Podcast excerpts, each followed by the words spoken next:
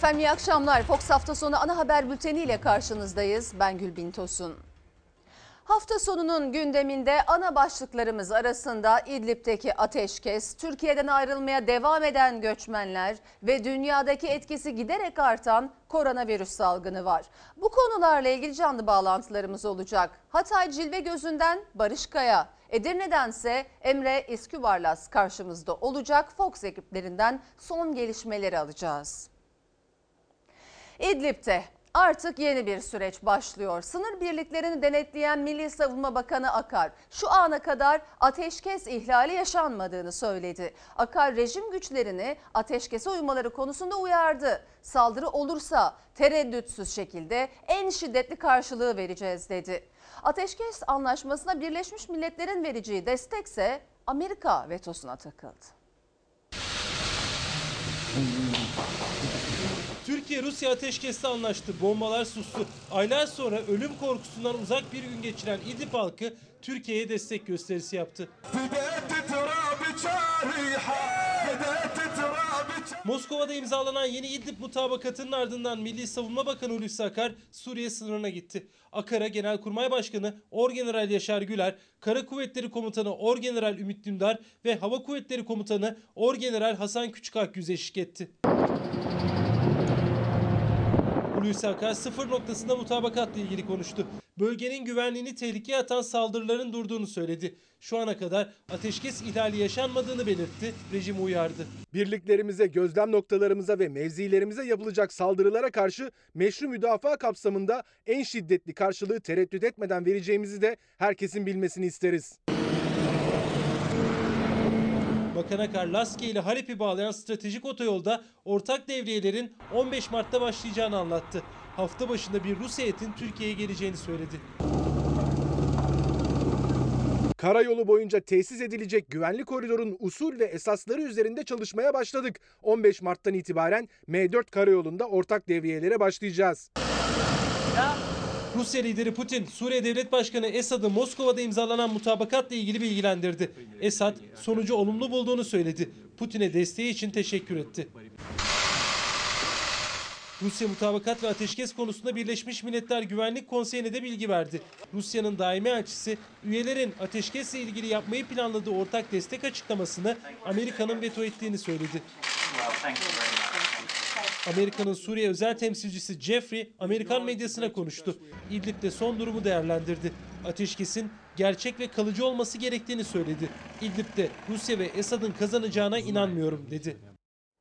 Sayın seyirciler şimdi Hatay Cilve Gözü sınır kapısına gidiyoruz. Barış Kaya ve Serhat Yağmur bizleri bekliyorlar. Barış soralım karar alındıktan sonra ilk gün silahlar susmuş ve gün sakin geçmişti. Son 24 saatte neler yaşandı seni dinleyelim. Son 24 saat son derece sakin. Aslında o ateşkesin sonrasında hiç kimse bu ateşkesi ihlal edecek bir adım atmadı. Dolayısıyla e, ateşkes e, gerçekleştikten sonra da en önemlisi bölgede bulunan askerlerimizin can güvenliğiydi. Özellikle de 12 gözlem noktamız var. 12 gözlem noktamızdan 7'si rejim askerleriyle çevrili. E, bu ateşkes sağlanmadan önce bir güvenlik sorunu doğmuştu. Dolayısıyla bu da ortadan kalktı ama hala şu an itibariyle o 7 güvenlik noktasında gözlem noktamızda e, etrafında rejim askerleri var. Ama herhangi bir sıkıntı yaşanmadı. E, ama bölgedeki kaynaklardan aldığımız bilgiye göre e, düne kadar tabii orada bulunan askerlerimiz gözlem noktasında bulunan askerlerimiz aslında Soçi mutabakatıyla belirlenen sınırlar çerçevesinde bir gözlem yapıyorlardı. Ama bugün Moskova mutabakatıyla ortaya çıkan yeni süreçte artık gözlem noktalarının da revize edilebileceği yani yerlerinin değişebileceği ifade ediliyor. Çünkü e, M5 karayolunun daha doğusunda kaldı artık gözlem noktalarımız. Dolayısıyla biz o noktada değiliz. M4 karayolunda bir e, yol kontrolü yapacağız. Ortak devriye atacağız. Dolayısıyla bu gözlem noktalarının yerlerinin değişebilme ihtimali ilerleyen günlerde Milli Savunma Bakanlarının yapacağı toplantılarda tekrar gündeme gelebilecek ifadesi yer alıyor. Yapmış olduğumuz kaynaklardan aldığımız bilgilere göre. E, bunun dışında aslında sıcak bir gelişme daha oldu. Herkes bölgedeki her e, iki tarafta ateşkese uyuyorlar ama e, önümüzdeki süreç tabi burada bölgede çok fazla grup var. E, bir provokasyon olabilme ihtimali var. Bunlar için de dün ve ondan önceki gün yani ateşkes başladığı saatten itibaren bir devriye görevi gerçekleşmeye de başladı. Bu e, 15'inden sonra ortak devriye devam edecek. Sınırları da belirleyecekler ama e, Rus askerleriyle Türk askerleri e, üzerinde Türk bayrağının ve Rus bayrağının dalgalandığı araçlarla ilk de- devriyeyi de Serakip bölgesinde gerçekleştirmiş oldu Gülbin Peki. Tosun. Çok teşekkürler Barış Kaya. Sayın seyirciler İdlib'deki ateşkesin iç siyasetteki yankıları sürüyor. AK Parti Genel Başkan Vekili Numan Kurtulmuş, Moskova'da istediğimizi aldık dedi. CHP ve İyi Parti'nin ardından Saadet Partisi ve Gelecek Partisi'nden de temkinli açıklamalar geldi. kararlı duruşuyla, ne yaptığını bilen tavrıyla, tarzıyla Moskova'da e, Türkiye istediğini almıştır. Anlaşmayla gelinen yer Soçi mutabakatında Türkiye ve Türkiye müzahir unsurlara terk edilen yerin çok gerisindedir. Serakip rejime terk edilerek M4 yoluna kadar neredeyse gelinen bir gerileme var. İktidar Moskova mutabakatı kazanç derken Suriye politikasının mimarlarından Ahmet Davutoğlu kayıp dedi. Saadet Partisi lideri de Erdoğan'ın ateşkesle Müslüman Müslümanla savaşmayacak sözüne tepki gösterdi. Gece yarısı itibariyle ateşkes ilanında anlaştık. Temennimiz olur ki bu sürer ve böylece Müslümanın Müslümanla savaşı yapması da bitmiş olur. Moskova'da hiç olmazsa Müslüman Müslümanı öldürmeyecek artık. Günaydın. Ne kadar da güzel hatırladılar. Peki de bunu 10 sene önce hatırlasaydınız Sayın Cumhurbaşkanımızın liderliğinde barışa giden yolda İdlib'de siyasi çözümle ilgili önemli bir adım atıldı. Bu ateşkesle rejimin ülkemizin ve bölgenin güvenliğini tehlikeye atan ve insanlık dramına sebep olan saldırılarını durdurması sağlandı. Moskova'dan dönüşte ayağının tozuyla sınır birliklerini ziyaret eden Milli Savunma Bakanı Hulusi Akar ateşkesle ilgili bu yorum yaptı. AK Parti Genel Başkan Vekili Numan Kurtulmuş da Moskova'da istediğimizi aldık dedi. Moskova'daki varılan mutabakat siyasi çözümün önünü açan bir mutabakattır. elbette ateşkesten dolayı da memnuniyet duyuyoruz. Hiç olmazsa akan kan duracak. Mutabakat bir ateşkes sağladığı için olumlu görülmelidir. CHP ve İyi Parti liderleri gibi Saadet Partisi lideri de Gelecek Partisi Genel Başkanı Ahmet Davutoğlu da ateşkesten duydukları memnuniyeti dile getirdi ama çekinceleriyle birlikte. Bu meselenin salt Türkiye'nin omuzlaması gereken bir kriz olmaktan çıkarması ve bir dünya krizi olduğunun anlaşılması lazım. Yoksa alanda Rusya ile karşı karşıya kalınan her halde yeni bir takım kayıplarla da karşı karşıya kalabiliriz. Esad'ı kalıcı bir düzene ikna edecek misiniz? Rusya ile kalıcı bir düzen konusunu konuşmadan yapacağımız her geçici anlaşması Türkiye'nin aleyhine işler. Her an çatışacak yerde gözlem noktalarını tuttuğunuz zaman koruyamazsınız. Moskova mutabakatıyla Türk gözlem noktalarının bazıları Esad güçlerinin harekat bölgesinde kaldı. Cumhurbaşkanı Erdoğan gözlem noktaları bulundukları yerde kalacak açıklaması yaptı. Davutoğlu ise gözlem noktalarının kuzeye çekilmesini önerdi. Türkiye'nin bugün İdlib'de bu kadar büyük bir yığınağı hava savunması olmaksızın tutması başlı başına bir risk unsurudur. Milli Savunma Bakanlığı'nın düzenlediği Türkiye Şehitlerini Anıyor programında İdlib'de şehit düşen 34 kahraman da unutulmadı.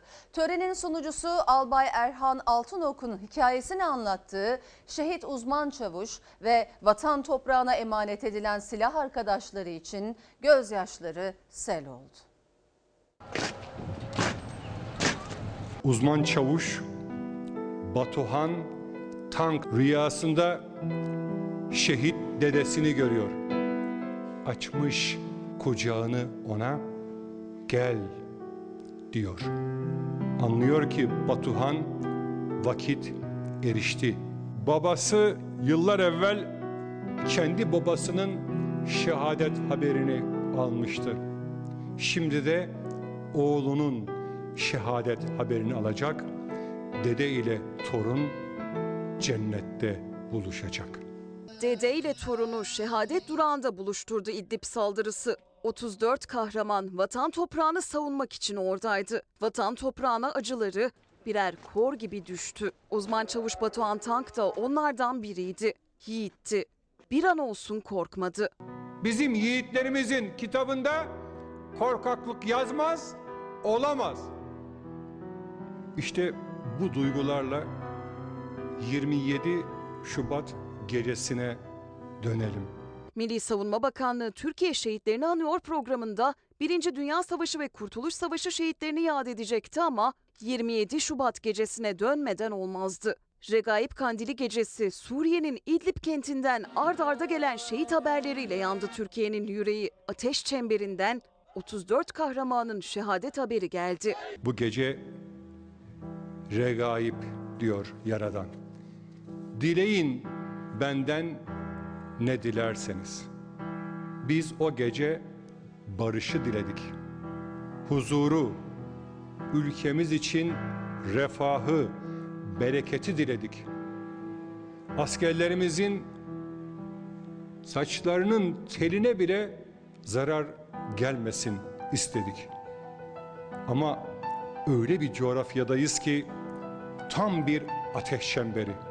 Kilometrelerce öteden yükseldi o ateş. Sadece kendi ocağını da yakmadı. Türkiye şehitlerine ağladı. Şehitler ölmez. Buna kalp ile inanıyoruz. Ama ateş sadece düştüğü yeri yakmazsa eğer işte asıl o zaman şehitler ölmez. En çok da annesine, babasına, eşine, çocuğuna ölümsüz şehitler. Kahramanların aileleri de birer korkusuz nefer. Mezarlıktan korkanın sevdiği henüz ölmemiş derler. Ne de güzel söylerler. Bir canı kaybetmek zordur. İnsanı teselli edecek bir şanı, bir şerefi olmalıdır. Bizim şehadete eren kahramanlarımız o şan ve şerefe naildir. Albay Erhan Altınok'un sunumuyla bir kez daha sel oldu gözyaşları. Yalnızca acı değildi dile gelen. Türk askerinin kararlılığı da salonda yankı buldu. Dünya duysun diye. Bizim hiç kimsenin taşında, toprağında gözümüz yok. Ama bizim toprağımızda, bizim cennet vatanımızda gözü olanında bu dünyada yaşama şansı yok. Siyasette arama polemiği sürüyor. Cumhurbaşkanı Erdoğan İdlib saldırısı sonrası CHP lideri Kılıçdaroğlu'nun kendisini aramamasına sitem etmişti. Bu tartışmaya Gelecek Partisi Genel Başkanı Ahmet Davutoğlu da katıldı. Davutoğlu Erdoğan ve Bahçeli'yi aradığını ama bir hafta geçmesine rağmen dönüş yapılmadığını söyledi. Maalesef Sayın Cumhurbaşkanı ve Sayın Bahçeli taziye iletmek üzere hem de bu konuda katkıda bulunmak üzere görüşme talebimizi telefonla dahi olsa kabul etmediler. Eski Başbakan Gelecek Partisi Genel Başkanı Ahmet Davutoğlu 33 askerin şehit olduğu saldırıdan sonra yıllarca omuz omuza yürüdüğü Cumhurbaşkanı Erdoğan'ı ve MHP lideri Bahçeli'yi aradı. Ama iki lider de dönüş yapmadı. Bana geri dönülmedi. Bir hafta oldu dönülmedi. Ordumuza büyük bir kumpas kurulmuş. Onlarca şehidimiz var. Beyefendi bekliyor. Acaba Kılıçdaroğlu beni ne zaman arayacak? Sen ara. Niye aramıyorsun? İdlib saldırısı sonrası iç siyasetteki tartışma başlıklarından birisi. Cumhurbaşkanı Erdoğan Kılıçdaroğlu'na kendisini aramadığı için sitem etti. CHP lideri ise Erdoğan'ın liderleri araması gerektiğini söyledi bilgi vermek için. Kardeşim arayacak olan ben değilim. Arayacak olan sensin. Eğer çok merak ediyorsan nasıl ki Sayın Bahçeli ile telefon diplomasimizi yürüttük, nasıl ki Meral Hanım'la Sayın Karamollaoğlu'yla bunları görüştük, sen de arardın, sana da gerekli bilgiyi verirdik. İki lider birbirlerini aramadılar ama CHP lideri o hain saldırıyı öğrenir öğrenmez Milli Savunma Bakanı Hulusi Akar'ı aradı. Ulaşamadı. Akar o günden beri ana muhalefet liderine dönüş yapmadı. Ana muhalefet partisinin genel başkanı aradığında dönülür. Hislerin önde olduğu, duyguların önde olduğu ve e, devlet aklının, ciddiyetin ortada olmadığı bir resimle karşı karşıyayız. Taziyede bulunmak üzere bütün siyasi liderleri aradım. Temasta bulunduk. Sayın Karamollaoğlu, Sayın Akşener, Sayın Kılıçdaroğlu geri döndüler. Paylaştılar. Liderler arasındaki arama polemiği sürerken eski başbakan Ahmet Davutoğlu'ndan da dikkat çekici bir çıkış geldi. Konya'da yayın yapan Kanal 42 televizyonunda ve Konya İl Başkanlığı açılışında konuştu Gelecek Partisi lideri. Cumhurbaşkanı Erdoğan'ı taziye için aradığını ama Erdoğan'ın dönüş yapmadığını söyledi. Muhalefet liderlerinin kendisini taziye için aramadığından şikayet eden Sayın Cumhurbaşkanı'na maalesef ulaşamadık ve maalesef telefona dahi çıkmadı. Biz omuz omuza nice ateş çemberinden geçtik. Hep beraber bu ülkeyi yönettik. Gelecek Partisi lideri ana muhalefetin aramamasından şikayet eden Erdoğan'a sitem etti. Cumhurbaşkanının bu tavrı bir dönem AK Parti Genel Başkanlığı koltuğunu devrettiği ve bugün siyasi rakibi olan Davutoğlu'yla ipleri tamamen kopardığını gösterdi. Ve gündemin diğer önemli maddesi göçmenler. Avrupa'ya geçmek isteyen göçmenlere Yunanistan'ın insanlık dışı müdahalesi sürüyor. İçişleri Bakanı Süleyman Soylu maskeleri düştü dedi. Ege Denizi'nde ise Türk karasularına giren bir Yunan gemisi anında uzaklaştırıldı.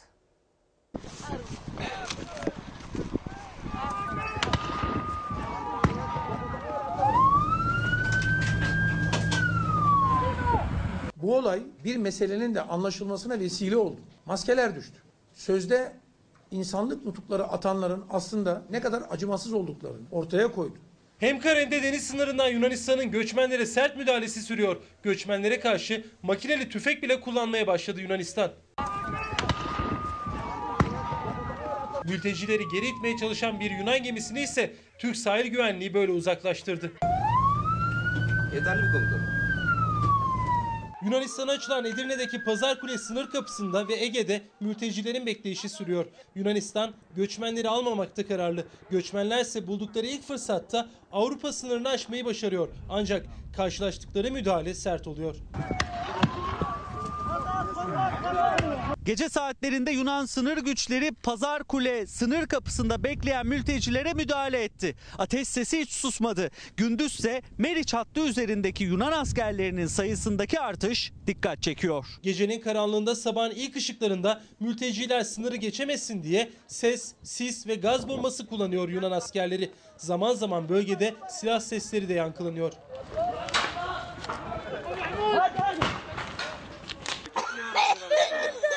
Geçebilense geçtiği an orantısız müdahaleyle karşı karşıya kalıyor. Yine birçok göçmene Yunan güvenlik güçleri şiddet uyguladı. Mültecilerin paralarına, telefonlarına hatta kıyafetlerine el konuldu. Denizden Yunanistan'a geçmek isteyenleri ise Yunan gemileri engelledi. Deniz yoluyla gitme konusunda biliyorsunuz Sayın Cumhurbaşkanımızın hassasiyeti var. İçişleri Bakanı Süleyman Soylu olası bir insanlık dramına mahal vermemek için mültecilerin denizden geçmemesi yönünde Cumhurbaşkanlığı talimatı olduğunu açıkladı. Çünkü lastik botları böyle delmeye çalışıyor Yunan güvenlik güçleri.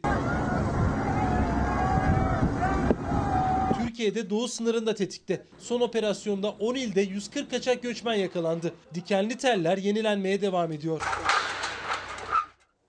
Yunanistan göçmenleri almamak için her türlü yola başvururken Atina'ya Avrupa Birliği'nden destek geldi. Brüksel Türkiye'yi suçladı. Dışişleri Bakanlığı Avrupa'nın bu tutumuna çok sert yanıt verdi. Türkiye'ye verilen sözlerin tutulması istendi. Yunanistan'da ise Miçotakis hükümetinin göçmenlere karşı takındığı tavra karşıt sesler de yükselmeye başladı.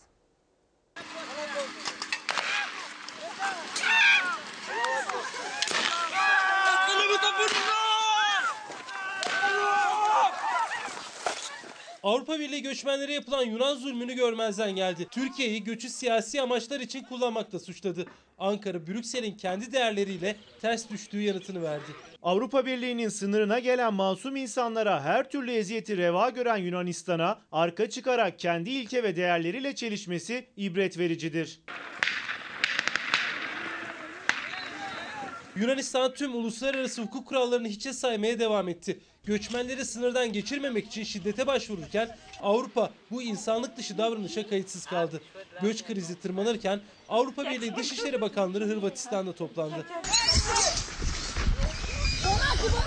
Toplantı sonunda Avrupalı bakanlar Ankara'yı göçmenleri Yunan sınırına sürmekle suçladı. Bu politikaya son verme çağrısı yaptı. Avrupa Birliği Türkiye'ye çağrı yapmak yerine önce verdiği sözleri tutmalı. 18 Mart mutabakatını bir bütün olarak kendisi uygulamalıdır. Avrupa Birliği'nin tavrından cesaret alan Yunanistan Başbakanı Mitsotakis, Türkiye'ye karşı küstah suçlamalar yöneltti. Haddini aşan ifadeler kullandı. Türkiye mülteci kaçakçısı oldu dedi. Mitsotakis'e yanıtı Cumhurbaşkanlığı İletişim Başkanı Fahrettin Altun verdi. Yunanistan'a ve uluslararası topluma tavsiyemiz birilerini suçlamak yerine düzensiz göçün temelinde yatan Suriye iç savaşını durdurmaktır. Yunan kolluk ve hudut muhafaza kuvvetlerinin mültecilere karşı ölümcül güç kullanmasından derin endişe duyuyoruz. Yunan ana muhalefeti ise ayakta. Hedefte Mitsotakis yönetimi var. Muhalefet hükümeti uluslararası hukuk ve Cenevre sözleşmelerini ihlal etmekle suçladı. Atina ve Selanik'te halk mültecilere destek için sokağa çıktı. Birleşmiş Milletler'den de açıklama geldi. Genel Sekreter Guterres, uluslararası toplumdan göçmenler konusunda Türkiye'ye desteği artırmasını istedi. Göçmenlerin ise Avrupa'ya geçmek için sınır kapılarında bekleyişi sürüyor. Geceden sabaha soğukta kalan çocuklarınsa tek bir isteği var. Sıcak bir yuva. Biz savaştan kurtulmak için geldik buraya. Soğuktan annem hastalandı, kardeşim de hastalandı. Ne yapacağımızı bilmiyoruz.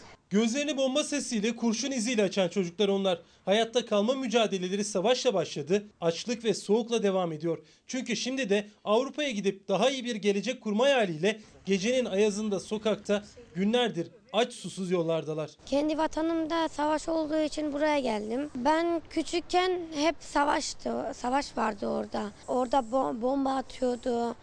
İnsanları çocukların önünde. Ben böyle bir yerde büyüdüm. 11 yaşındaki Esma ve ailesi de günlerdir Edirne'de. Sınırı geçmeye çalışıyorlar ama her defasında geri dönmek zorunda kalıyorlar. Otogara sığındılar. Bekleyişleri saatler değil günlerdir sürüyor. Yanlarında çok da eşyaları yok. Yalnızca geleceğe dair hayalleri var çocukların. Neden avukat olmak Bizim gibi insanların hakkını yememek için ben onları korumak istiyorum. Bir sürü çocuklar var burada. Bazıları ölüyor, bazıları da hastalanıyor. Biz de insanız. Bizim de hakkımız var. Edirne'de gece yağmur var ve onlar da işte bu korunaklı alanda beklemeye devam ediyorlar. Nereden geldiniz otogara? Birisine geldim. Burada mı geçireceksiniz geceyi? Evet. 5 güne burası mı? 5 gün burada. Nasıl karnını doyuruyor? Buradan üşümüyor Türkler musunuz? veriyor. Her şey Türkler veriyor. Yunanistan'a gidebilmek için Giresun'dan Edirne'ye gelen bir aile 5 gündür Edirne otogarındalar ve bu soğuk geceyi de çocuklarıyla birlikte yine burada geçirecekler. Hiçbir yere gitmiyorum. Bir hayat güzel istiyoruz. Gece boyu cılız bir ateşin etrafında toplanıyor göçmenler. O yüzden de özellikle çocukların tek bir dileği var. Sıcak bir yuva. Yunanistan'a gitmek istiyorum. Sonra Almanca. Orada bir tane ev sıcak. Gün ağardığındaysa ihtiyaçlar daha da gözle görülür bir hal alıyor. Mülteciler ekmek almak için marketlerde, telefonlarını şarj edebilmek içinse kafe önlerinde uzun kuyruklar oluşturuyor. Edirne otogarında bekleyen mülteci sayısı artınca hayırseverler de onlara ihtiyaç duydukları malzemeleri getirmeye başladı. Özellikle kıyafet ve bebek bezi dağıtıyorlar mültecilere. Mücadele Edirne ile sınırlı değil. Yasak olmasına rağmen Ege'de de devam ediyor. Bodrum'dan Yunanistan'ın Kos Adası'na geçebilmek için sığınmacılar botla deniyor şansını. Ağırlık yapmasın diye eşyalarını sahilde bırakıyorlar. Şimdi Edirne'ye gidiyoruz. Emre İskübarlas ve Kenan Özcan bizleri bekliyor. Emre, göçmenlerle ilgili yapılan karşılıklı açıklamalar var. Göçmenlerin yaşadıkları sıkıntılar ortada aktardık. Şimdi sınırda son durum ne diyelim? Geçişler devam ediyor mu? Ve Yunanistan tarafı hala sert müdahalesini sürdürüyor mu? Seni dinleyelim. Gülbin Tosun Edirne'de mülteci hareketliliği devam ediyor. Yunanistan o katı tavrını da sürdürüyor. Az da olsa geçişler oluyor ama önemli bir bilgiyi aktaralım. İzleyicilerimiz de bunu ilk kez Fox Haber'den duyacaktır. E, Yunanistan bildiğiniz üzere e, mültecilerin Meriç Nehri'ni aşıp karşıya geçmemesi için tüm çabayı sarf ediyor ama sadece askeri tedbirler değil Bulgaristan'da doğan arkamızdaki bu nehir Türkiye ile Yunanistan sınır hattını oluşturuyor. Yunan yetkililer Bulgar yetkilileri aradı ve Bulgaristan'dan baraj kapaklarını açmasını istedi. Baraj kapakları açılırsa ne olacak? İşte Meriç Nehri'nin debisi yükselecek. Debisi yükselirse de mülteciler işte bu noktalardan karşı tarafa geçişte çok zorlaş, e, zorlanacak ki zaten Yunanistan'ın o katı tavrından dolayı da bir şekilde geçmekte zorlanıyorlar. Tabi devlet su işlerinin verilerine baktığımızda da debinin yükseldiğini söyleyelim. Aslında Yunan yetkililer Bulgar yetkililer de bu talepte bulununca Bulgar yetkililer aslında şöyle bir cevap verdi. Elektrik üreten o barajlarda yeterli su olmadığını söylediler ama biz şunu söyleyelim. Birkaç gün önce de burada yayın yaptık. Debinin yükseldiğini söyleyebiliriz. Az önce balıkçılarla da konuştuk. Gerçekten onlar da işte gördüğünüz Meriç Nehri'ndeki bu noktanın daha da yüksek seviyelere çıktığını söylediler. Yani sadece askeri tedbirler almıyorlar. Bu şekilde diplomasiyi kullanarak e, Bulgar yetkililere ulaşarak da bir şekilde mültecilerin karşıya geçmesini engellemeye çalışıyorlar. Peki Emre İskübarlas, e, çok teşekkürler, kolay gelsin. Ve devam edelim gündemin diğer başlıklarıyla. Gazeteci Barış Terkoğlu'yla Hülya Kılınç'tan sonra Barış Pehlivan da Libya şehidi haberi nedeniyle tutuklandı. Gazeteci Murat Ağray ise serbest kaldı. Tutuklamalara siyasetten tepki vardı. Sevinemiyoruz tabii. Gazeteci Murat Ağırel serbest kaldı ama sevinci yarımdı. Çünkü sabaha karşı gözaltına alınan Barış Terkoğlu'nun ardından aynı haber nedeniyle meslektaşı Barış Pehlivan da tutuklandı. Muhalefet tepki gösterdi. Onlar yarı açık cezaevinden kapalı cezaevine geçtiler. Umarım kısa süre içerisinde Türkiye hukukun üstünlüğünü yeniden inşa edecek ve aydınlık bir Türkiye'yi hep beraber yeniden kuracağız. Bana yapılan usulün aynısı Barış Terkoğlu'na da yapılabilirdi. Tıpkı Fethullahçılar gibi sabahın dördünde o eve polis gitmeyebilirdi. Barış Terkoğlu ve Barış Pehlivan 9 yıl önce FETÖ kumpasıyla 19 ay cezaevinde kalmıştı. Yıllar sonra Libya şehidi haberi nedeniyle sabaha karşı gözaltına alınıp yine tutuklandı Terkoğlu. Ardından haberin yayınlandığı Oda TV'nin yayın yönetmeni Barış Pehlivan ve yine aynı haberle ilgili yazı kaleme alan Yeni Çağ gazetesinden Murat Ağırel de ifadeye çağrıldı. Sayın Cumhurbaşkanı birkaç şehidimiz var dedi. Biz de o birkaç şehidin ismini yazdık. Nerede olursa olsun biz gelir ifademizi veririz. Murat Ağırel serbest kaldı. Barış Pehlivan ise devletin gizli bilgilerini ifşa ettiği suçlamasıyla tutuklandı. Yalnızca CHP değil Saadet Partisi lideri de basın özgürlüğüne dikkat çekti. Her tarafımız dökülüyor. Gazeteci fikrini söylüyor, hapse atılıyor.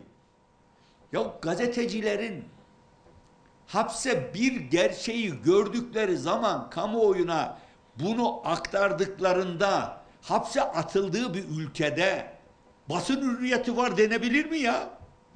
Bütün dünya bunu görüyor ya. bir e, ülkede bir e, yönetimin ülkeyi yasaklarla, baskıyla hele demokrasi varsa o ülkede yönetmesi mümkün değil. Eğer yönetemiyorlarsa bırakacaklar diyoruz. Aralarında Ankara ve İstanbul'un da olduğu 45 ilin baro başkanı da tutuklu gazetecilere yenilerin eklenmesi üzerine ortak açıklama yaptı. İfade özgürlüğüne açık bir baskı ve gözdağıdır denildi açıklamada. Onlar adına da mücadele edeceğiz. Daha çok anlatacağız.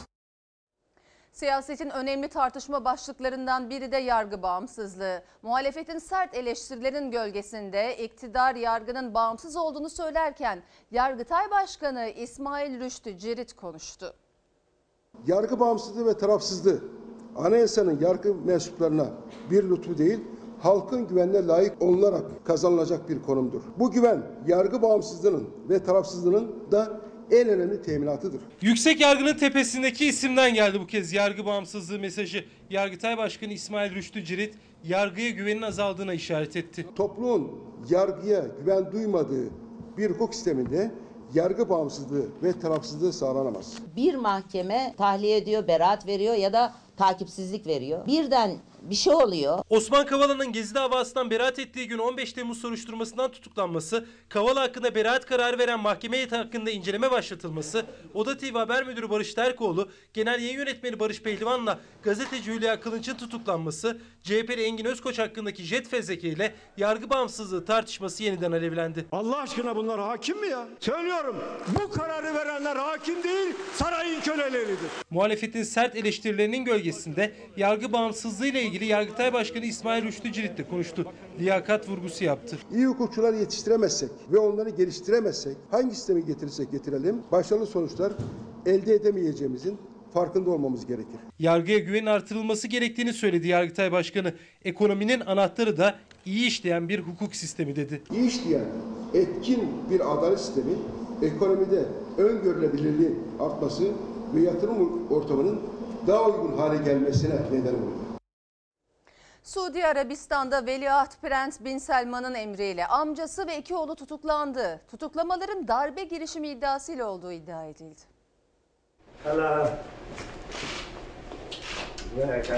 Veliaht Prens Bin Selman darbe girişimi bahanesiyle öz amcası ve eski Veliaht Prens'i tutuklattı. Taht yarışında koltuğunu sağlam aldı. Suudi Arabistan'da dengeler 2 yıl önce değişti. Kral Selman yeğeni Muhammed Bin Naif'in yerine Veliaht Prensliğe oğlu Muhammed Bin Selman'ı getirdi. dollars, three billion dollars, 533. Yeni Veliaht Bin Selman dünya gündemine bir cinayetle geldi. Muhalif gazeteci Cemal Kaşıkçı'nın Suudi Arabistan'ın İstanbul Başkonsolosluğu'nda öldürülmesinin sorumlusu olarak gösterildi. Veliaht Prens bir kez daha gündemde. Bu kez Suudi kraliyet ailesine yapılan operasyonun kahramanı oldu.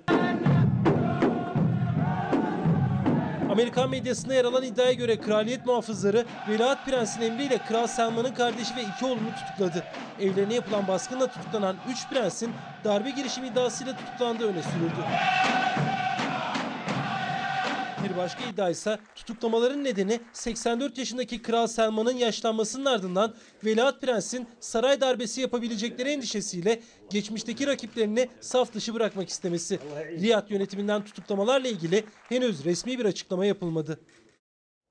Şimdi bir aramız var ama ardından haberlerle yeniden karşınızda olacağız. Yeniden merhaba Fox Ana Haber devam ediyor. Çin'den yayılan koronavirüsü nedeniyle yaşamını yitirenlerin sayısı dünya genelinde 3500'ü aştı. Dün akşam Türkiye'de de özellikle sosyal medyaya endişe hakim oldu. Sebebi bir hastanın tahlil sonucuydu. Koronavirüslerin çok çok çeşitleri var. Ama insanlarda olan çeşitleri zaten korkulacak bir şey değildir. İstanbul Yedikule Göğüs Hastalıkları Hastanesi'nde koronavirüsü kapan bir hastanın olduğu iddiası endişe yarattı. Hastanın tahlil sonucu sosyal medyada paylaşıldı.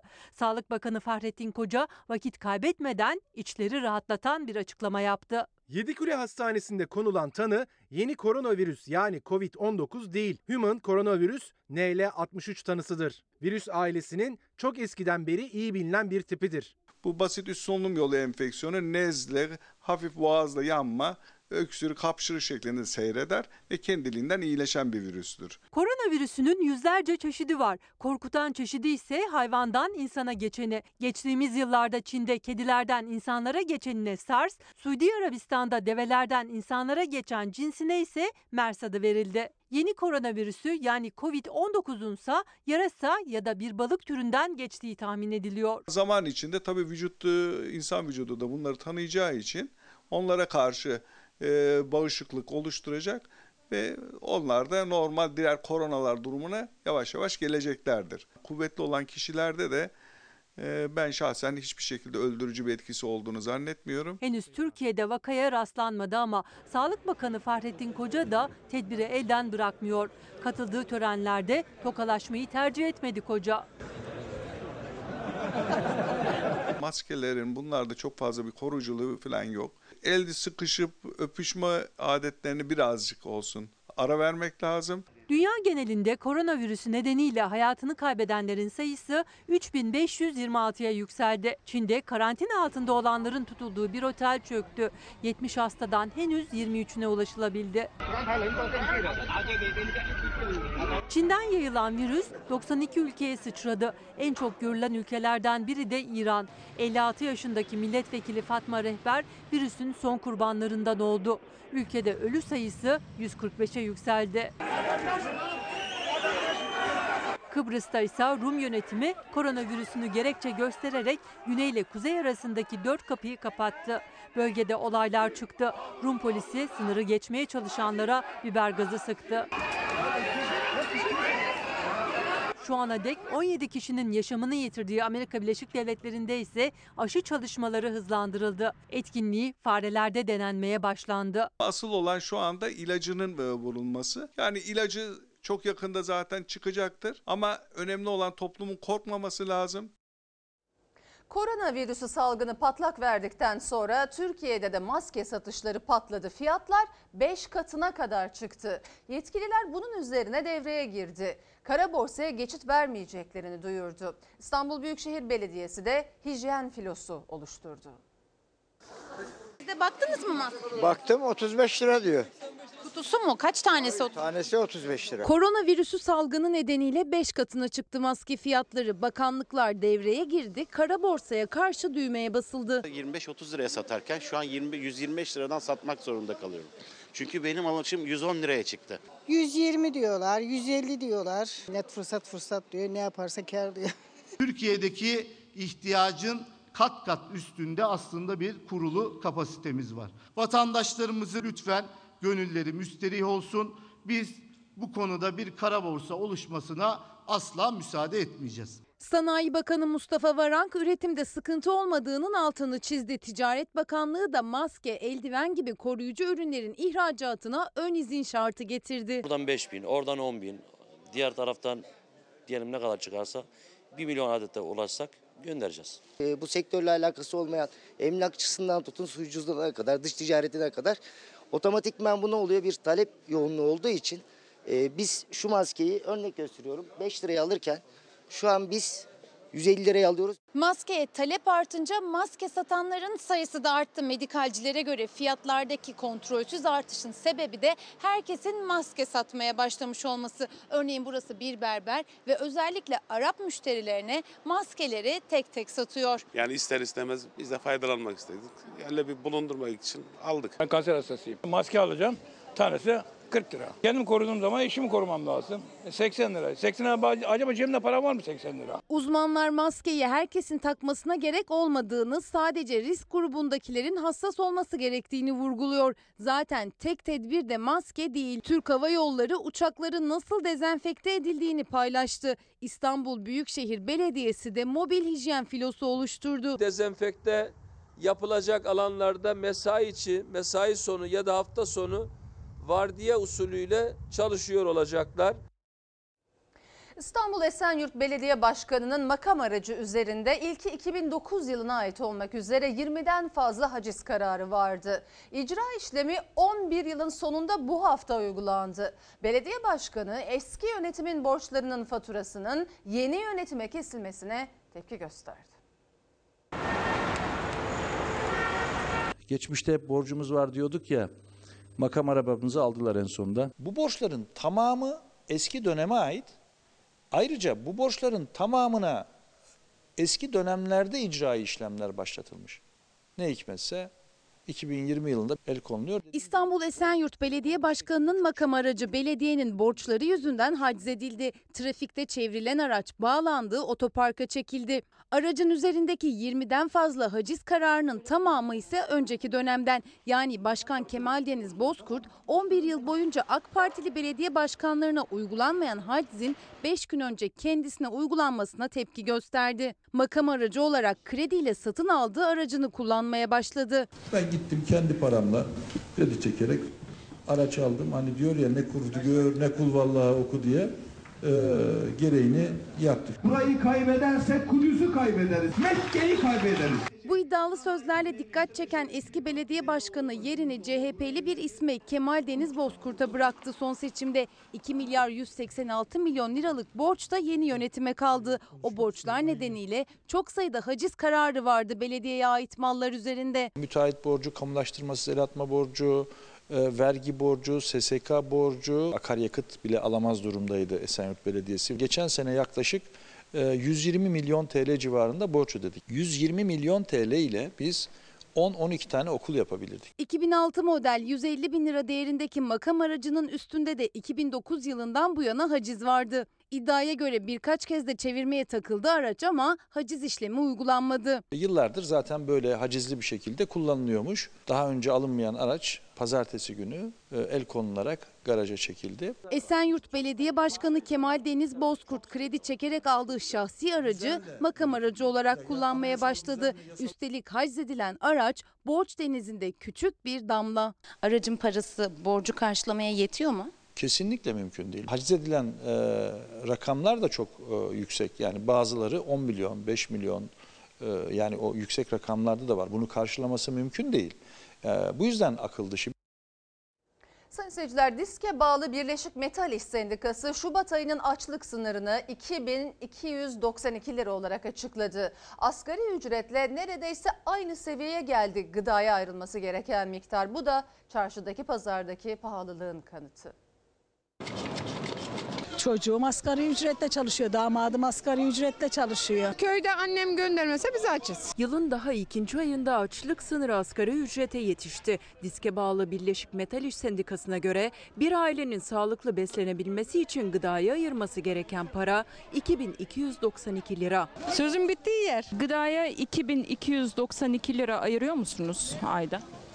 Yok canım nerede ayırıyoruz? Mümkün değil. Elektriğimiz, suyumuz onları ödeme şansımız yok. Görünen o ki asgari ücretle geçinen bir aile yemesi gerektiği kadar yemesi gerektiği gibi yani sağlıklı beslense başta kira ve faturalara olmak üzere geriye kalan tüm ödemeler için elinde kalan para sadece ve sadece 32 lira. Onu da alsınlar onlar cebine koysun. O 32'yi de kessin. 1850 kira. Elektrik, su en az 500 diyelim. İki çocuk üniversiteyi bitirmiş evde oturuyor.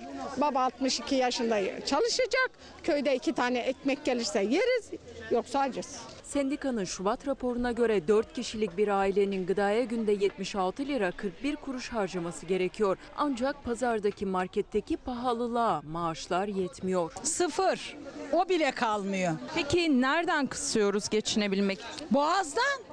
Boğazdan kısıyoruz. Nereden kısacağız? TÜİK'in Şubat enflasyonu da aylık %0,35 artmıştı. Ancak tüketicilerin cebini en çok etkileyen gıda enflasyonundaki artış %2'nin de üstünde. Fiyatı en çok artan 20 ürüne bakıldığında bunların 15 tanesi e, gıda veya tarım ürünü. Artık baktığımız zaman kış mevsiminin ürünlerinde de yüksek fiyat artışlarını görüyoruz. Sene başından bu yana gıda enflasyonu %7'ye ulaştı. Emekliye yapılan zam buhar olup uçtu bile. Kemirleri kısa kısa son haddine geldi. Emeklilerin uzun zamandır merak ettiği promosyon rakamları belli oldu. Devlet Bankası'ndan maaşlarını çekiyorlarsa 500 ile 750 lira arasında promosyon alacaklar. Ama özel bankalar bu rakamları koşullu olarak 2250 liraya kadar çıkarıyor. Bazı bankalar bizi arıyor. Maaşınızı taşırsanız 1000 lira vereceğiz. Ticarettir yani. Ne bu elinizdeki? Promosyon almak için uğradık efendim. Siz geçecek misiniz o özel banka? Ben e, sordum. Benim şu anda 625 lira dedi. Bir özel banka 1000 lirayla 1200 lira arası veriyor. Şimdi sordum geldim. Ayın sonunu zor getiren emekliler ceplerine girecek 1 lira bile fazlanın, bankalarsa yeni gelecek müşterilerin peşinde. 2020 yılı için devlet bankaları da özel bankalarda promosyon miktarlarını ve şartlarını açıkladı. Yarış kızıştı. Emeklilerin cep telefonlarına mesajlar yağıyor. Aradılar. Ne kadar vereceklermiş? Vallahi şimdi 3 tane şey fatura getir diyorlar. Kaç bankaya gittiniz sordunuz? 1, 2, 3 bankaya gittim. Özel bankalara. Ne kadar verecekmiş? 1000 lira. Gezdiniz mi bankaları? Evet gezdim. Bir banka 1000 lira veriyor. Bir ba- iki banka iki- 1200 veriyor. Bir banka 750. Bir tanesi 650. Harika Coşkun da emekli ve yollarda. Çünkü hangi banka ne kadar promosyon ödemesi yapacak onun için yollara düştü. Banka banka gezecek. Hangisi daha karlı gelirse tercihini ona göre yapacak. En son e, bir iki banka kaldı. Bir burası, bir banka daha var. 5 banka gezdi Harika Coşkun. Hepsinden tek tek rakamları aldı. 3 yıllık anlaşma gereği bazı bankalar 1000 liralık emekli maaşına 925 lira promosyon öderken bazıları 2250 liraya kadar çıkıyor. Ancak şartları uzayıp gidiyor. Ek müşteri getirmek, faturaları bağlamak, kredi kartının harcama sözü vermek şartlar arasında. Sordum evet 1200 lira veriyormuş. Ben kredi aldığım için onun için başka bankaya geçemiyorum. 3 yıllık süre dolmadan anlaşmadan vazgeçen ya da başka bir bankaya transfer olan emeklilerse aldığı parayı geri ödemek zorunda. Bir yılda caysanız.